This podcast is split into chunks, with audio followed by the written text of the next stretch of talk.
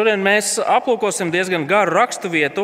Mēs viņu visu nelasīsim, izlasīsim daļu no tās, bet 15. nodaļas noslēgums, visa 16. un 17. nodaļa, otrajā mūža grāmatā, ir, ja tā var teikt, tāda kārtīga tūkstneša pārbaudas skola izrēliešiem. Tad nu, izlasīsim daļu no šīs pārbaudas skolas un ieraudzīsim, uz ko tas viss velk. Lasī, pirmais lasījums būs no 15. nodaļas, no 22. panta līdz 16. nodaļas 8. pantam, un tad mēs pārliksim uz 17. nodaļu.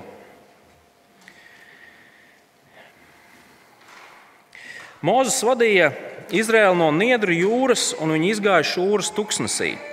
Trīs dienas viņi gāja pa tuksnesi un neatrada ūdeni. Tad viņi nonāca mārā, bet nevarēja dzert māras ūdeni, jo tas bija rūkts. Tādēļ to nosauc māra. Un tauta kurnēja pret mūzu, sacīdama, ko lai mēs dzeram.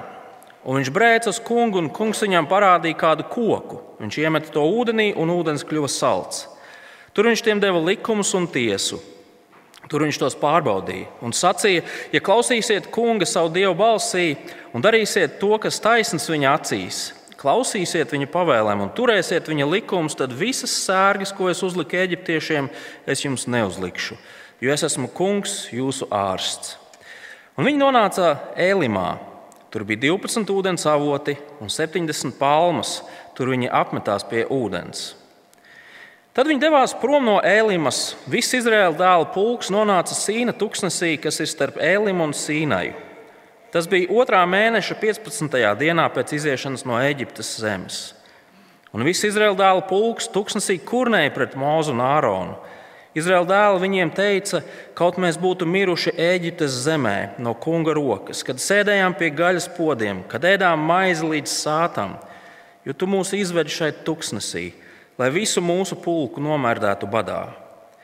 Un kungs teica Mozum, Redzes likšu, lai jums krīt maize no debesīm. Tauta varēs iet un lasīt ikdienas vajadzīgo. Tas tādēļ, lai es viņus varētu pārbaudīt, vai viņi dzīvo pēc manas bauslības vai nē. Bet sastajā dienā, lai viņi, sagat, lai viņi gatavo, ko atnesuši, un tā būs divkārt vairāk par to, ko tie vākuši ikdienas. Un Mozus un Ārons teica visiem Izraēla dēliem: Vakarā jūs zināsiet, ka kungs jūs izvedis no Ēģiptes zemes. No rīta jūs redzēsiet kunga godību.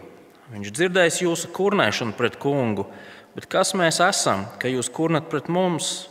Un Mozus teica: Tā, vakarā kungs dos jums ēst gaļu, un no rīta maizi līdz sātam, tādēļ, ka kungs ir dzirdējis jūsu kurnēšanu pret viņu.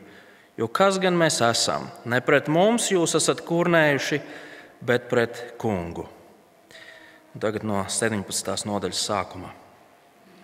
Visi Izraēla dēla pulks gāja pa sīna tuksnesi, un, kā kungs bija teicis. Tad viņi apstājās Refidīmā, un tautai nebija ūdens, ko dzert.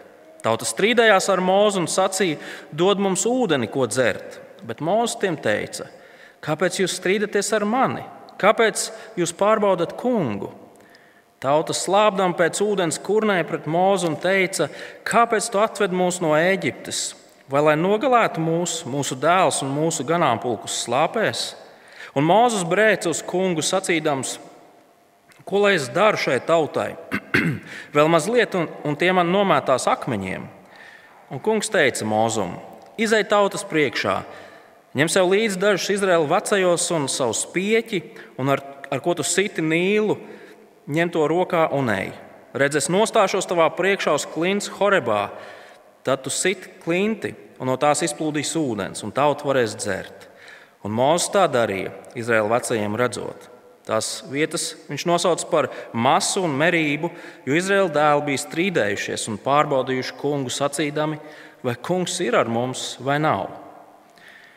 Tad nāca Amālēks un karoja ar Izraēlu Refidīmā. Un Mozus teica Jozom, izraugies no mums vīrus un ej karot ar amāleku. Rīt es nostāšos kalna galā ar dieva nūju rokā. Jozo darīja, kā Mozus viņam bija teicis, cīnījās ar amāleku, bet Mozus, Ārons un Hūrs uzkāpa kalna galā. Un bija tā, kad Mozus turēja savu roku paceltu, tad Izraels uzvarēja. bet, kad viņš atpūtināja roku, uzvarēja Amāleks. Kad Mozus rokas nogura, viņi paņēma akmeni un palika zem tām. Viņš sēdēja uz tā, bet Ārons un Hūrs turēja viņa rokas no abām pusēm. Viņa rokas palika izstieptas, kamēr norietēja saule. Un Jozo uzvarēja Amāleku un viņa ļaudis ar zobenu.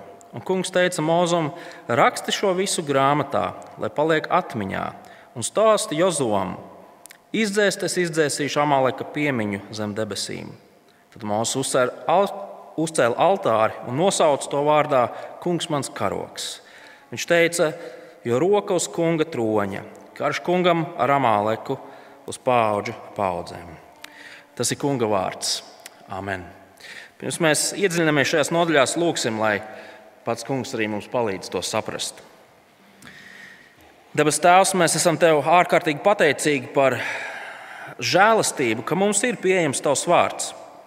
Un tāpat mēs Tev pateicamies, ka Tavs vārds nav kaut kāda šifrēta mīkla, kas saprotama vien īpaši izredzētiem. Tas ir saprotams ikvienam, kurš to lasa, kurš to pārdomā. Tad nu, lūdzam, palīdz mums šajā pēcpusdienā nolikt malā savas ikdienas domas un raizes, lai varētu uzņemt to, ko Tavs vārds māca. Amen. Draugi, es pieņemu, ka vairums no šeit klātesošiem, visticamāk, visi no šeit klātesošiem ir redzējuši 1998. gada Disneja filmu Eģiptes princis. Šī filma atspoguļo to, kā Dievs ar lielu spēku un brīnumiem no Eģiptes verdzības izglābi savu jūdu tautu. No verdzības viņš viņus atbrīvo. Un filma beidzas ar to, kā, kā tauta aiziet slavas dziesmas dziedādams, šķērsojas jūru, kurā Dievs iznīcina lielo ienaidnieku armiju. Kas par glābšanu, kas par glābēju, kas par kulmināciju 400 gadus ilgai verdzībai. Taču šī filma ir neprecīza. Tā ir neprecīza tādēļ, ka Izraēla tautas stāsts otrās mūzes grāmatā nebeidzas ar to, ka viņi slavas dziesmu dzied pie jūras, ar eģiptiešu sakaušanu. Patiesi grāmatas pirmās 15 nodaļas nodaļās visa uzmanība tiek pievērsta varenajam dievam, kurš dara neiedomājamas lietas, lai atbrīvotu savus ļaudis, spriežot tiesu par vareno un ļauni iedomīgo faraonu. Bet tad mēs nonākam pie šīs dienas raksturvietas, kur uzmanība tiek pievērsta kam dieva izglābtajiem ļaudīm. Jūra ir šķērsota, slavas dziesma ir nodziedāta, tagad sākās brīvā dzīve. Un, draugi, godīgi sakot, tas, ko mēs šeit redzam, nav pārāk iepriecinošas lietas, vai ne? Mēs pat varētu teikt, ka šīs dienas raksturvieta ir tāda tā kā antikulminācija. Šīs nodaļas apraksta trīs epizodes, plus viena ar amalekiešiem, kurās mēs redzam kurnēšanu, pārmetumus, apsūdzības, neticību, nespēju skaidri spriest, īsu atmiņu Autors mūsu acu priekšā uzbūr tādu nepārāk pievilcīgu Izraēla tautas, izglābtās tautas portretu. Viņi ir kurnoši un patiesībā dievam neticīgi ļaudis. Un līdzās šim neglītajam dieva tautas portretam autors mūsu acu priekšā turpina veidot dieva portretu. Un mēs redzam, ka ikvienā neticības un kurnēšanas epizodē autors izceļ vienu vienīgu lietu. Dievs joprojām ir uzticīgs par spīti viņa tautas kurnēšanai un neticībai. Ja tā varētu teikt, Dieva ļaudis ir nonākuši šajā tūkstneša skolā, ko es pieminēju. Un šajā tūkstneša skolā viņiem ir jāapgūst viena svarīga izdzīvošanas mācība. Proti, Dievs vienmēr ir uzticams. Un tāpēc Dieva ļaudīm ir jāpaļaujas, vienmēr jāpaļaujas uz savu kungu. Dievs vienmēr ir uzticams, tādēļ ļaudīm ir jāpaļaujas uz Dievu. Lai dzīvotu šajā pasaulē un nonāktu apsolītajā zemē, Izrēliešiem ir pilnībā jāuzticas un jāpaļaujas uz Dievu, kurš viņus ir glābis. Dzīvi tūkstnesī raksturo ūdens trūkums, pārtikas trūkums, klejojoši bandīti un vēl daudz kas cits pa vidām. Bet ik vienā no šīm situācijām ir nemainīgs izaicinājums. Vai tu uzticēsies Dievam? Vai tu paļausies uz Dievu? Vai tu uzticēsies tam, ka Viņš palīdzēs un vedīs tevi tālāk pretī gala mērķim?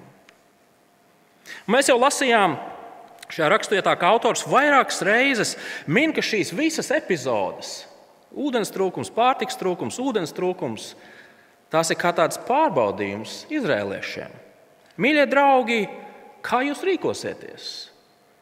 Kam jūs īsti ticat? Nu, piemēram, 15. 15. nodaļā, 25. panta beigas. Tur viņš deva likumus un tiesu, tur viņš tos pārbaudīja. Vai 16. nodaļas 4. pants. Un kungs teica Mozum, redzēs, likšu, lai jums krīt maize no debesīm. Tauta varēs iet un sal salasīt ikdienas vajadzīgo, tas tādēļ, lai es viņus varētu pārbaudīt, vai viņi dzīvo pēc manas bauslības vai nē. Ūdens un ēdienu trūkums bija dažāda veida testi, lai noskaidrotu, nu, kam tad šie ļaudis tic. Ko viņi domā par Dievu? Ko viņi domā par Dieva nodomu uz viņu dzīvi? Ko viņi saprot ar attiecībām ar Dievu? Un, draugi, šīs nodaļas ir pierakstītas, lai arī mēs varētu mācīties. Mācīties to, kādiem mums nevajadzētu būt. Redziet, lai gan mūs no izrēliešiem šķir vairāki gadu tūkstoši un arī nenormāli eh, lielas um, kultūrālās atšķirības, mēs esam ļoti līdzīgi viņiem. Viņus izglāba jēra asins, mūs izglāba dieva jēra asins. Um, mēs tikām, viņi devās uz apsolīto zemi, mēs dodamies uz apsolīto zemi, uz dievu valstību. Viņi pa ceļam saskārās ar daudzām dažādām grūtībām un izaicinājumiem. Mēs pa ceļam savā kristīgajā dzīvē saskaramies ar dažādām grūtībām un izaicinājumiem. Tad nu, mēs esam aicināti raudzīties uz to, kā izrēlieši mācās šajā tūkstneša skolā, un esam aicināti izdarīt svarīgus secinājumus. Nebūsim tādi kā viņi šajā brīdī, tūkstnesī. Viņi ir kā tāds negatīvais piemērs mums visiem. Kāds nu ir tas teiciens latviešiem, ka gudrs cilvēks mācās no citu kļūdām, muļķis nemācās pat no savējām. Šīs mācības stundas lielais mērķis ir vairot mūsu paļāvību uz kungu un dievu. Mēs viņam varam uzticēties arī tad, ja esam nonākuši grūtībās un pārbaudījumos. Dievs ir nemainīgs savā uzticībā. Dievs nemainīgi īsteno savus labos nodomus savu ļaužu dzīvēm. Par to mēs esam aicināti būt droši. Tad aplūkosim nedaudz tuvāk tās lietas, kuras Izrēlam ir jāmācās, un beigās izdarīsim kādus svarīgus secinājumus paši priekš sevis. Un pirmā mācība, ko mēs šeit redzam, ir Izraēla neticība. Izraels ir nelabojami neticīgs. Trīs dienas, tieši tik ilgu laiku cilvēks var iztikt bez ūdens. Ja tas ūdens netiek dots pēc trim dienām, tas var iedragāt cilvēka veselību un apdraudēt cilvēku dzīvību. Un mēs redzam, ka Izraels šīs dienas raksturvietas sākumā viņš trīs dienas ir gājis pa tuksnesi, un viņam nav ūdens. Un mēs kaut kādā ziņā varam saprast šīs tautas izmisumu pareizi. Trīs dienas bez ūdens, tuksnesī nav joka lieta. 23. un 24. pāns, tad viņi nonāca mārā, bet nevarēja dzert māras ūdeni, jo tas bija rūkts. Tādēļ to nosauc māra. Un tauta kurnēja pret mūzu, sacīdama, ko lai mēs dzeram. Izrēliešu vajadzība ir objektīva. Viņiem slāpes, trīs dienas ir pagājušas. Izdzīvošanas instruktoru nospraustā nāves robeža ir sasniegta. Viņiem ir vajadzīgs ūdens. Vienīgais pieejamais ūdens ir rūkts. Objektīva vajadzība, bet mums liekas, ka tā reakcija izrēliešiem gan nav tā labākā. Tā vietā, lai viņi lūgtu palīdzību Dievam kaut ko darīt lietas labā, viņi sāk kurnēt pret mūzu. Un tas ir pārsteidzoši. Kāpēc tas ir pārsteidzoši? Tāpēc, ka trīs dienas iepriekš viņi dzi dievam dziedāja slavas dziesmu. Klausieties, kādus vārdus viņi teica dievam. Tu esi mans spēks, mana dziesma ir kungs. Viņš ir mans glābiņš, viņš ir mans dievs, es slavēšu viņu. Mana tēva dievs, es viņu cildināšu. Kungs ir karotājs, kungs ir viņa vārds. Slavas dziesma lielajam glābējam.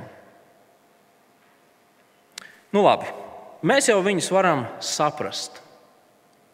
Kurš gan no mums nav piedzīvojis liels un nežēlīgs slāpes? Tādās reizēs, kad mums ir slāpes, nu, kam negadās pateikt kādas lietas, kuras mēs īstenībā neesam domājuši pareizi? Lietas, kuras mēs uzreiz um, gribam nožēlot. Šajā pirmajā epizodē varbūt pārāk nenosodīsim tos izrēliešus. Epizode beidzas ar to, ka Dievs dod viņiem ūdeni. Atpūtušies, ļaudis devās tālāk. Viņi nonāca Sīna tuksnesī, kas bija starp Elimu un Sīnaju, un kopš iziešanas no Eģiptes bija pagājuši divi ar pus mēneši. Skatieties 16. nodaļas 2. un 3. pantā. Visi Izraēla dēlu pulks tuksnesī kurnēja pret Mozu un Āronu. Izraēla dēli viņiem teica, kaut mēs būtu miruši Eģiptes zemē no kunga rokas, kad sēdējām pie gaļas podiem, kad ēdām maizi līdz sātam, jo tu mūs izvedi šeit tuksnesī, lai visu mūsu pulku nomērdētu badā. Izrēlieši atkal kurni. Taču šoreiz, atšķirībā no tās pirmās kurnēšanas, kuru mēs vēl varētu sagramot, mēs redzam, ka atklājas divas ārkārtīgi nopietnas lietas.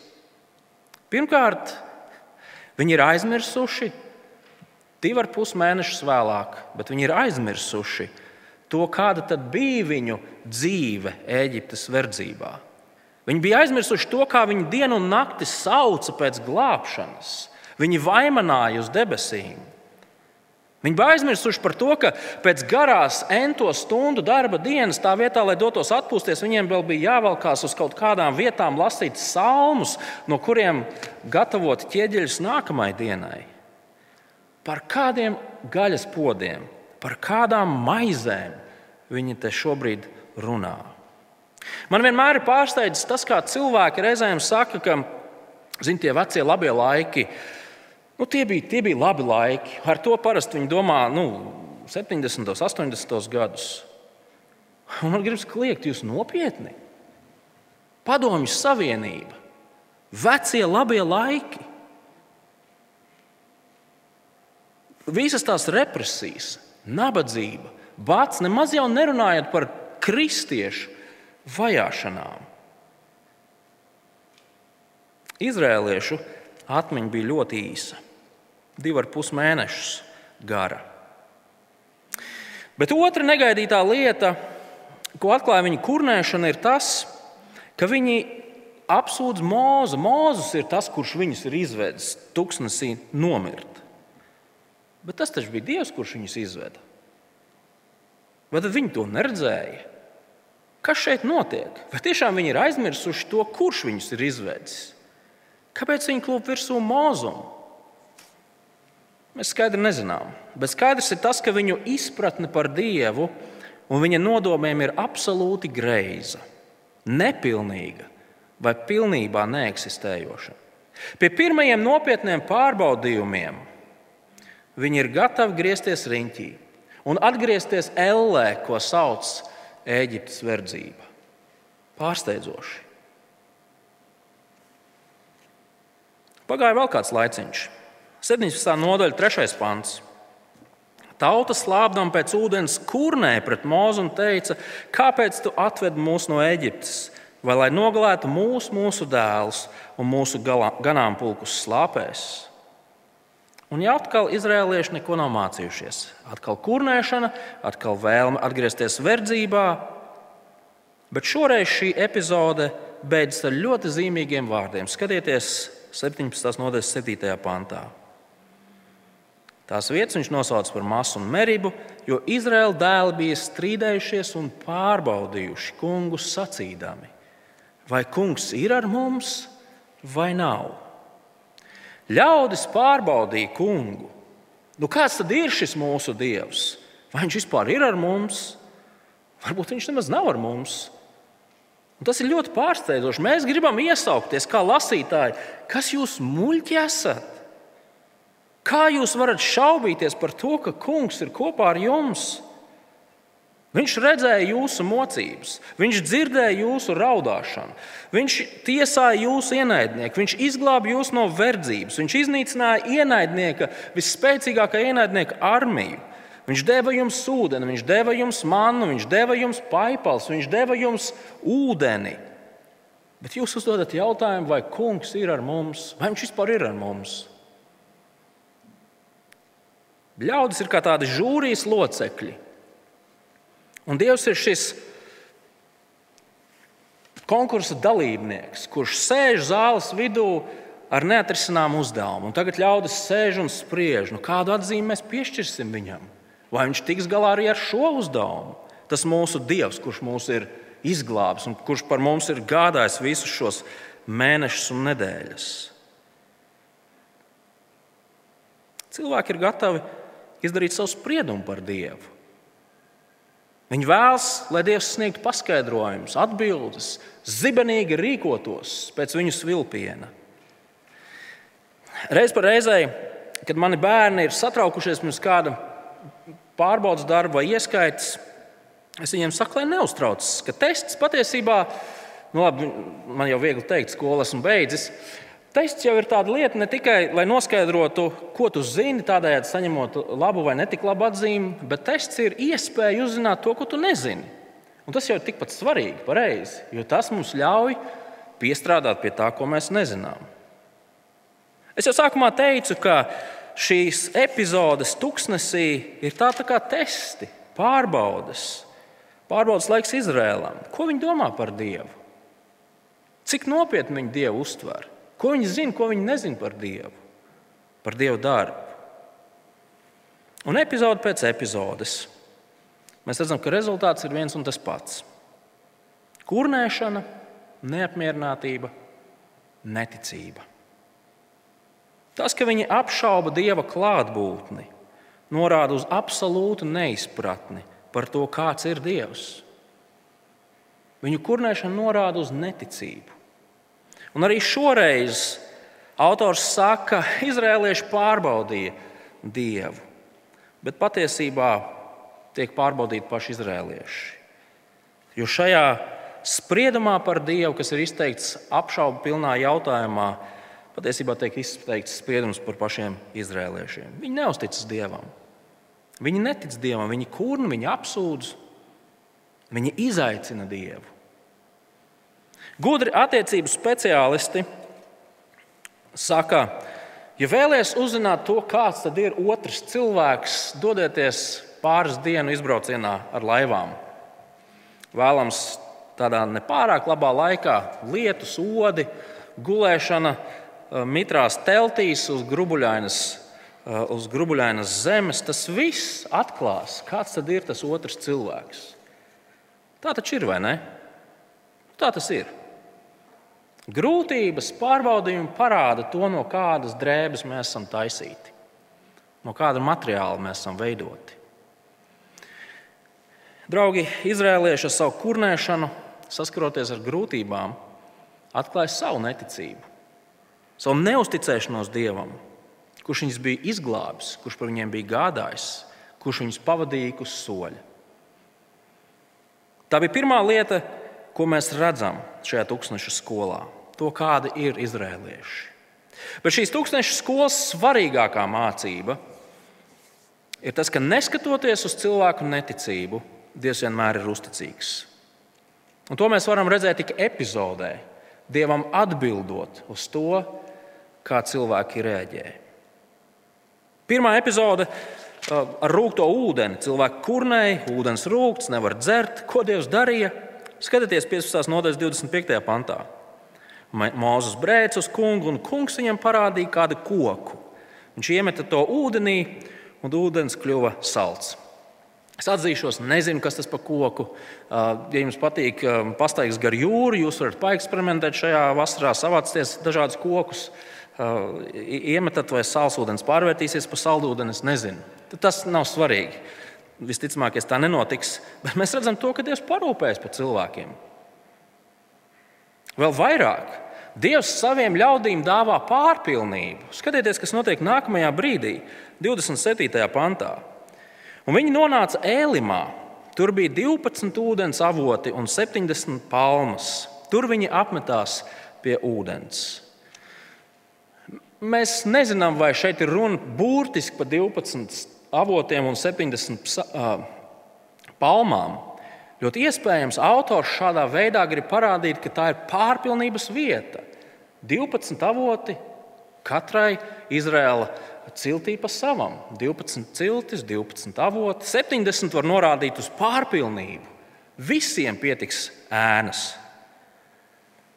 Dievs savus ļaudis aizveda uz miera ostu, uz oāzi tūkstneša vidū, kur atpūsties, atlapt, padzerties, padzirdīt savus mailops un visu pārējo. Dievs ir uzticīgs, gādājot par saviem ļaudīm. Ko Dievs darīja tad, kad izrēlieši sāka kurnēt par to, ka viņiem nav ko ēst? 16. nodaļa. Skatieties no 4. līdz 6. pantam. Un kungs teica Mozum: Redziet, likšu, lai jums krīt maize no debesīm. Tauta varēs iet un salasīt tik dienas vajadzīgo. Tas tādēļ, lai es viņus varētu pārbaudīt, vai viņi dzīvo pēc manas bauslības vai nē. Un Mozus un Ārons teica visiem Izraēla dēliem: Vakarā jūs zināsiet, ka kungs jūs izvedis no Eģiptes zemes.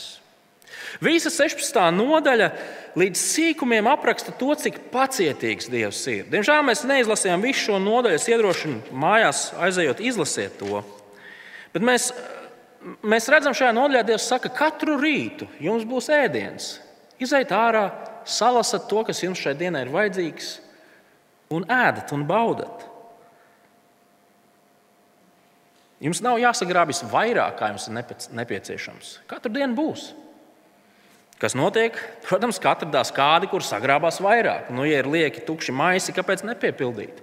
Kas notika ar visu, kas bija sagrābts par daudz, tas pārvērtās par tārpiem.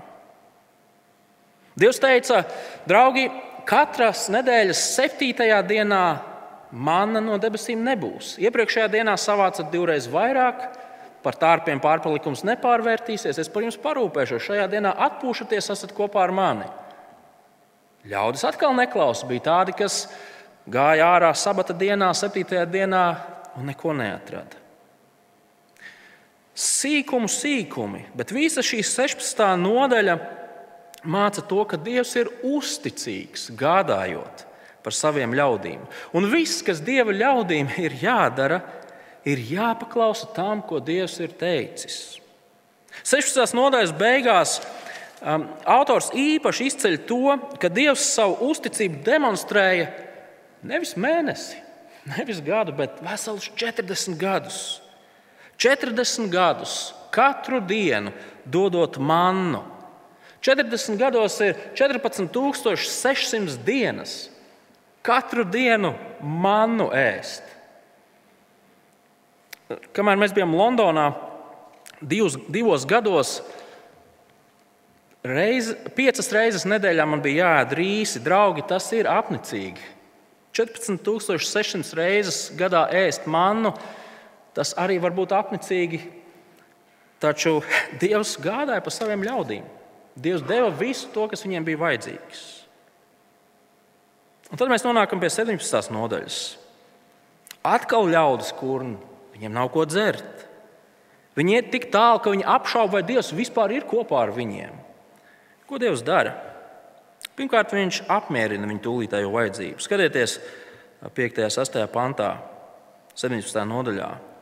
Un kungs teica Mozum, izai tautas priekšā, ņem sev līdzi dažus Izraēla vecajos un ar spieķi, ar ko tu siti nīlu, ņem to rokā un ej.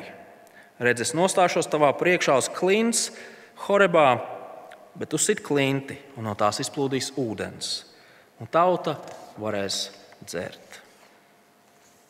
Dievs saviem kurnošajiem ļaudīm dāvā ūdeni.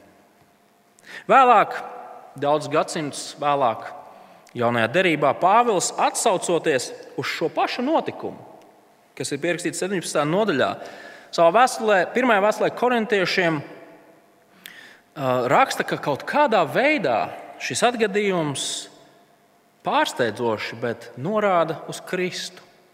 Šī padzirdīšana bija kaut kas vairāk par parastu ūdeni. Tam bija garīga nozīme. Ja gribat, izrēlieši šajā brīdī tādā kā caur miglu skatījās uz to, ko Kristus piepilda. Tad, kad Kristus nāca un, un bija epizode, kas ir pierakstīta Jāņa evanģēlijā, kur viņš uzrunā kādu samariešu sievieti, viņš saka šādus vārdus. Ikvienam, kurš dzers no šī ūdens, parastā ūdens, atkal slāps. Bet kurš dzers no ūdens, ko es tam došu, tam neslāps ne mūžam.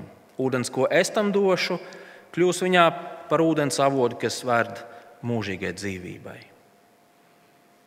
Dieva uzticīgā gādība par izrēliešiem norāda uz daudz lielāku glābšanu, uz mūžīgu dzīvību, ko Dievs kādu dienu dāvās visiem saviem ļaudīm. Dievs ir uzticīgs. Viņš dod visu, kas viņa ļaudīm ir vajadzīgs, pat tad, kad viņi neapmierināti kurni. Pat tad, kad Dieva ļaudis izaicina Dievu, vai tu vispār esi ar mums? Vai mēs vispār tev rūpam? Vai tu neesi mūs pametis? Un, manuprāt, 17. nodaļas atgadījums ar amalekiešiem ir atbilde uz šo izrēliešu izaicinājumu. Dievs šīs nodaļas izskaņā nodemonstrē to, ka viņš patiesi ir kopā ar saviem ļaudīm. No 8. līdz 16. pantam mēs, mēs lasām par nelietīgu amalekiešu uzbrukumu. Amalekieši skatās uz izrēliešiem un domā, redz, kur viegls laupījums, kaut kāda salašņa klīst pa tuksnesi. Uzbruksim viņiem, padarīsim viņus par saviem vergiem. Bet viņiem nekas neizdevās. Mūzes nostājās kalna galā ar spieķi rokās. Šis spieķis simbolizē dieva autoritāti, dieva varu. Vēl esot Eģiptē, Mozus ar spieķi bija kaut kas ļoti iespaidīgs. Tāpēc, ka Dievs caur mūzu ar spieķi darīja brīnumainas lietas. Tāpat arī šeit. Šī epizode ar amalekiešu, uzvara, uz, uz, ar amalekiešu sakaušanu māca to, ka Dievs cīnās par saviem ļaudīm. Viņš ir kopā ar saviem ļaudīm. Amalekieši interesanti, bet ir ienaidnieki, kas izrēliešus vajās daudzus gadu desmitus. Un tik ilgi, kamēr izrēlieši paļausies uz Dievu, Dievs cīnīsies pret šiem ienaidniekiem, un Dievs uzvarēs šos ienaidniekus. Vai tu vispār esi kopā ar mums? Skatieties, kā es izcīnu uzvaru jūsu vietā. Un tā, kādu mācību esam guvuši šajā tūkstoša skolā? Pirmkārt, mēs redzam to, ka Izraels ir neticīgs. Bet otrkārt, mēs redzam to, ka Dievs ir uzticīgs, gādājot par saviem ļaudīm, dodot visu nepieciešamo, cīnoties viņu vietā ar viņu ienaidniekiem. Un tādēļ izrēliešiem no neticīgiem ir jākļūst par ticīgiem, par tādiem, kas paļaujas uz kungu, kurš vienmēr ir kopā ar viņiem. Jo tikai tā ir iespējams izdzīvot un nenonīkt tūkstnesī. Tikai tā ir iespējams nekrist par laupījumu ļaundariem un bandītiem, kas klīst apkārt pa pasauli. Šīs nodaļas māca arī mums nebūt tādiem kā izrēliešu tuksnesī. Jaunā darība vēlas, lai mēs atcerētos šos tūkstošu notikumus. Atvērsim 1220. lapus vēstulē ebrejiem ebreju vēstules autors atsaucās uz šiem pašiem notikumiem. Vēstulē ebrejiem trešā nodaļa no 7. līdz 14. pantam. Kā saka Svētais Gars, kad jūs dzirdat viņa balsi šodien, neapcietiniet savas sirdis kā tajā sarūktinājumā pret Dievu toreiz, kārdināšanas, jeb pārbaudīšanas dienā tuksnesī, kad jūsu tēvi pārbaudīdami mani izaicināja, kaut arī redzēja manus darbus 40 gadus. Tādēļ es apskaitos uz šo paudzi un sacīju, tie nemitīgi maldās savā sirdī. Manus ceļus viņi nav atzinuši. Tādēļ es esmu zvērējis savā dusmās, tie neieies manā mierā. Šajos pantos autors atsaucas uz notikumiem, par kuriem mēs nu pat kā runājām. Un autors paskaidro to, ka Iemesls, kādēļ daudzi no izrēliešiem neiegāja apsolītajā zemē 40 gadus vēlāk, bija tas, ka viņi patiesībā savā sirdī nemaz neticēja Dievam. Viņi nepazina Dievu. Jā, viņi 40 gadus redzēja to, kā Dievs rūpējas par viņiem, kā, kā Dievs gādā par tautu. Viņi redzēja brīnumainas lietas, bet savā sirdīs viņi joprojām dzīvoja maldos attiecībā uz to, kāds ir Dievs. Un skatieties, ebreju vēstules 3. nodaļas, sākot ar 12. pantu, ko autors saka tālāk. Pielūkojiet, brāļi, lai nevienam no jums sirds nekļūtu ļauna neticībā, atkrītot no dzīvā dieva bet pamudiniet viens otru ikdienas, kamēr var teikt šodien. Lai nevienam no jums sirds netiktu grēka viltības apcietināta. Mēs esam Kristus līdzdalībnieki. Mums vajag viens sākotnējo pamatu cieši paturēt līdz pat piepildījumam. Autors uzrunājot jaunās darības kristiešus, saka, ka mēs piedaram Kristum. Mēs vēl neesam nonākuši, kā viņš saka, um, līdz piepildījumam. Mēs vēl esam ceļā, mēs neesam nonākuši gala mērķī. Un līdz lietu piepildījumam, līdz gala mērķim, būs situācijas, kurās tālēni izsakoties, mēs piedzīvosim to, ka nav ūdens, ka nav ēdienas. Mums uzbruks amalekieši. Mēs cīnīsimies ar smagām slimībām, mēs zaudēsim ienākumus, Mēs piedzīvosim netaisnību, mēs saskarsimies ar kara radītajām šausmām.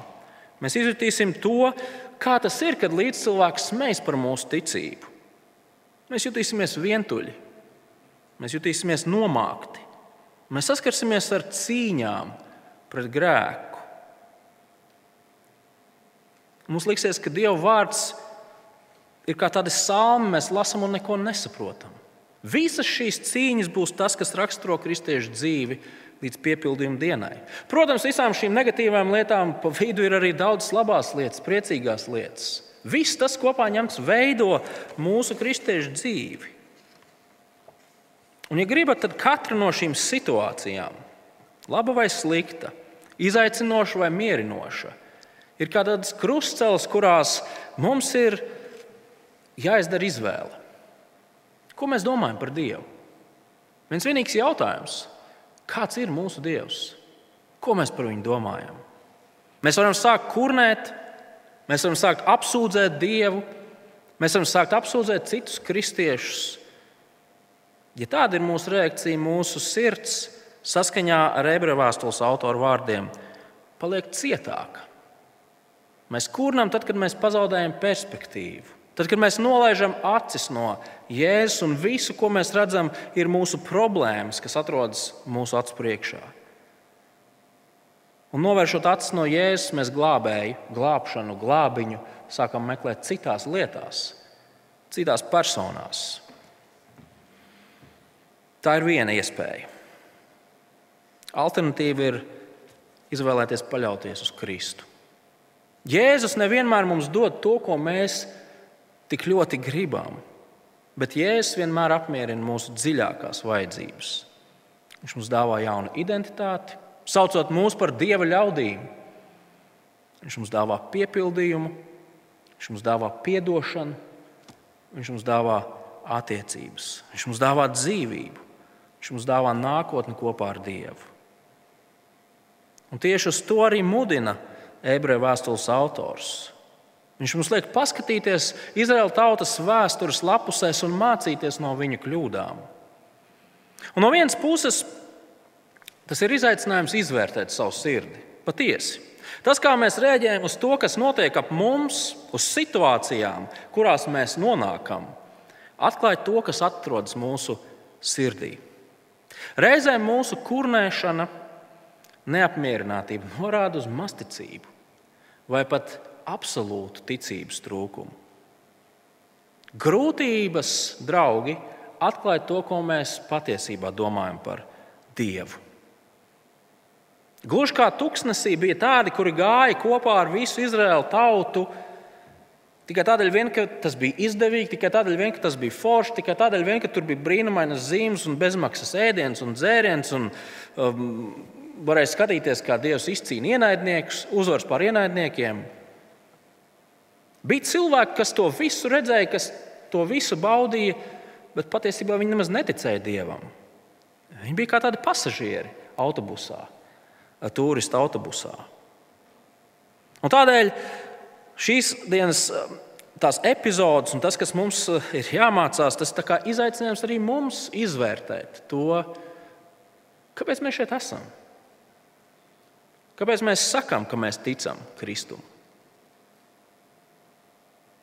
Vai mēs šeit esam tādēļ, ka mēs šeit patiesi gribam būt, jo esam Kristus izglābtie ļaudis, vai varbūt tās tādēļ, ka mēs gribam piederēt, tādēļ, ka tie ir mūsu draugi, tādēļ, ka kristieši pārsteidzoši ir forši cilvēki. Un tas ir, tas ir laiks, kad mēs varam dot nevis pareizās atbildes, bet godīgas atbildes. Nu, ko tad mēs domājam par Kristu? Tas ir svarīgi. Jo vēl ir laiks izdarīt pareizos secinājumus. Tātad šīs dienas mācība mums liek izvērtēt savu sirdi. Mums visiem. Bet no otras puses, šis aicinājums, šī mācība ir milzīgs iedrošinājums mums visiem. Mums reizēm liekas, ka mūsu masticība, mūsu nemitīgās cīņas ar, ar grēku, ar to, ka mēs neko nesaprotam vai pavisam maz ko saprotam, ka tas viss liecina par to, ka mēs ne, laikam neesam īsti kristieši. Draugi, paradoxālā kārtā tieši šī cīņa norāda uz to, ka mēs esam kristieši. Ja mēs cīnāmies pret grēku, ja mēs cīnāmies pret to veco dabisko vēlmi darīt pēc sava prāta, nevis pēc dieva prāta, ar mums viss ir kārtībā. Ja mēs skumstam par to, ka savā kurnēšanā, savā dusmās, savā slinkumā, savā egoismā, savā mīkšķaulībā, savā kompromisu veidošanas mākslā, ja mēs skumstam par to visu, un skumstam tādēļ, ka tas nepagodina mūsu kungu un glābēju, tas viss parāda to, ka ar mums viss ir kārtībā. Mūsu bēdas par grēku, mūsu bēdas par sakāvēm, mūsu bēdas par grūtībām, mūsu ilgas pēc tā, ka mēs varētu dzīvot dievam, tas viss norāda uz to, ka mēs esam dievu ļaudis. Ilgojamies pēc mūsu glābēja, pēc viņa gribas pildīšanas. Mēs varam būt droši par to, kas mūs sagaida nākotnē. Ebreju vēstules autors raksta, mēs esam Kristus līdzdalībnieki. Mums vajag viens sākotnējo pamatu cieši paturēt līdz pat piepildījumam. Mēs esam ceļinieki, kas dodas uz savām mājām, pretī piepildījumam. Un tas ceļš nav viegls, bet mēs varam būt droši par to, ka mūsu kungs būs uzticīgs.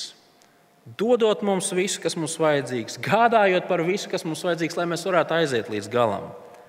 Mūsu glābējs zina to, kādi mēs esam. Viņš zina, kā mēs jūtamies. Viņš zina, ar kādiem pārbaudījumiem mēs saskaramies un kādiem kārdinājumiem mēs cīnāmies. Un viņš nekad, nekad savējos nepamet.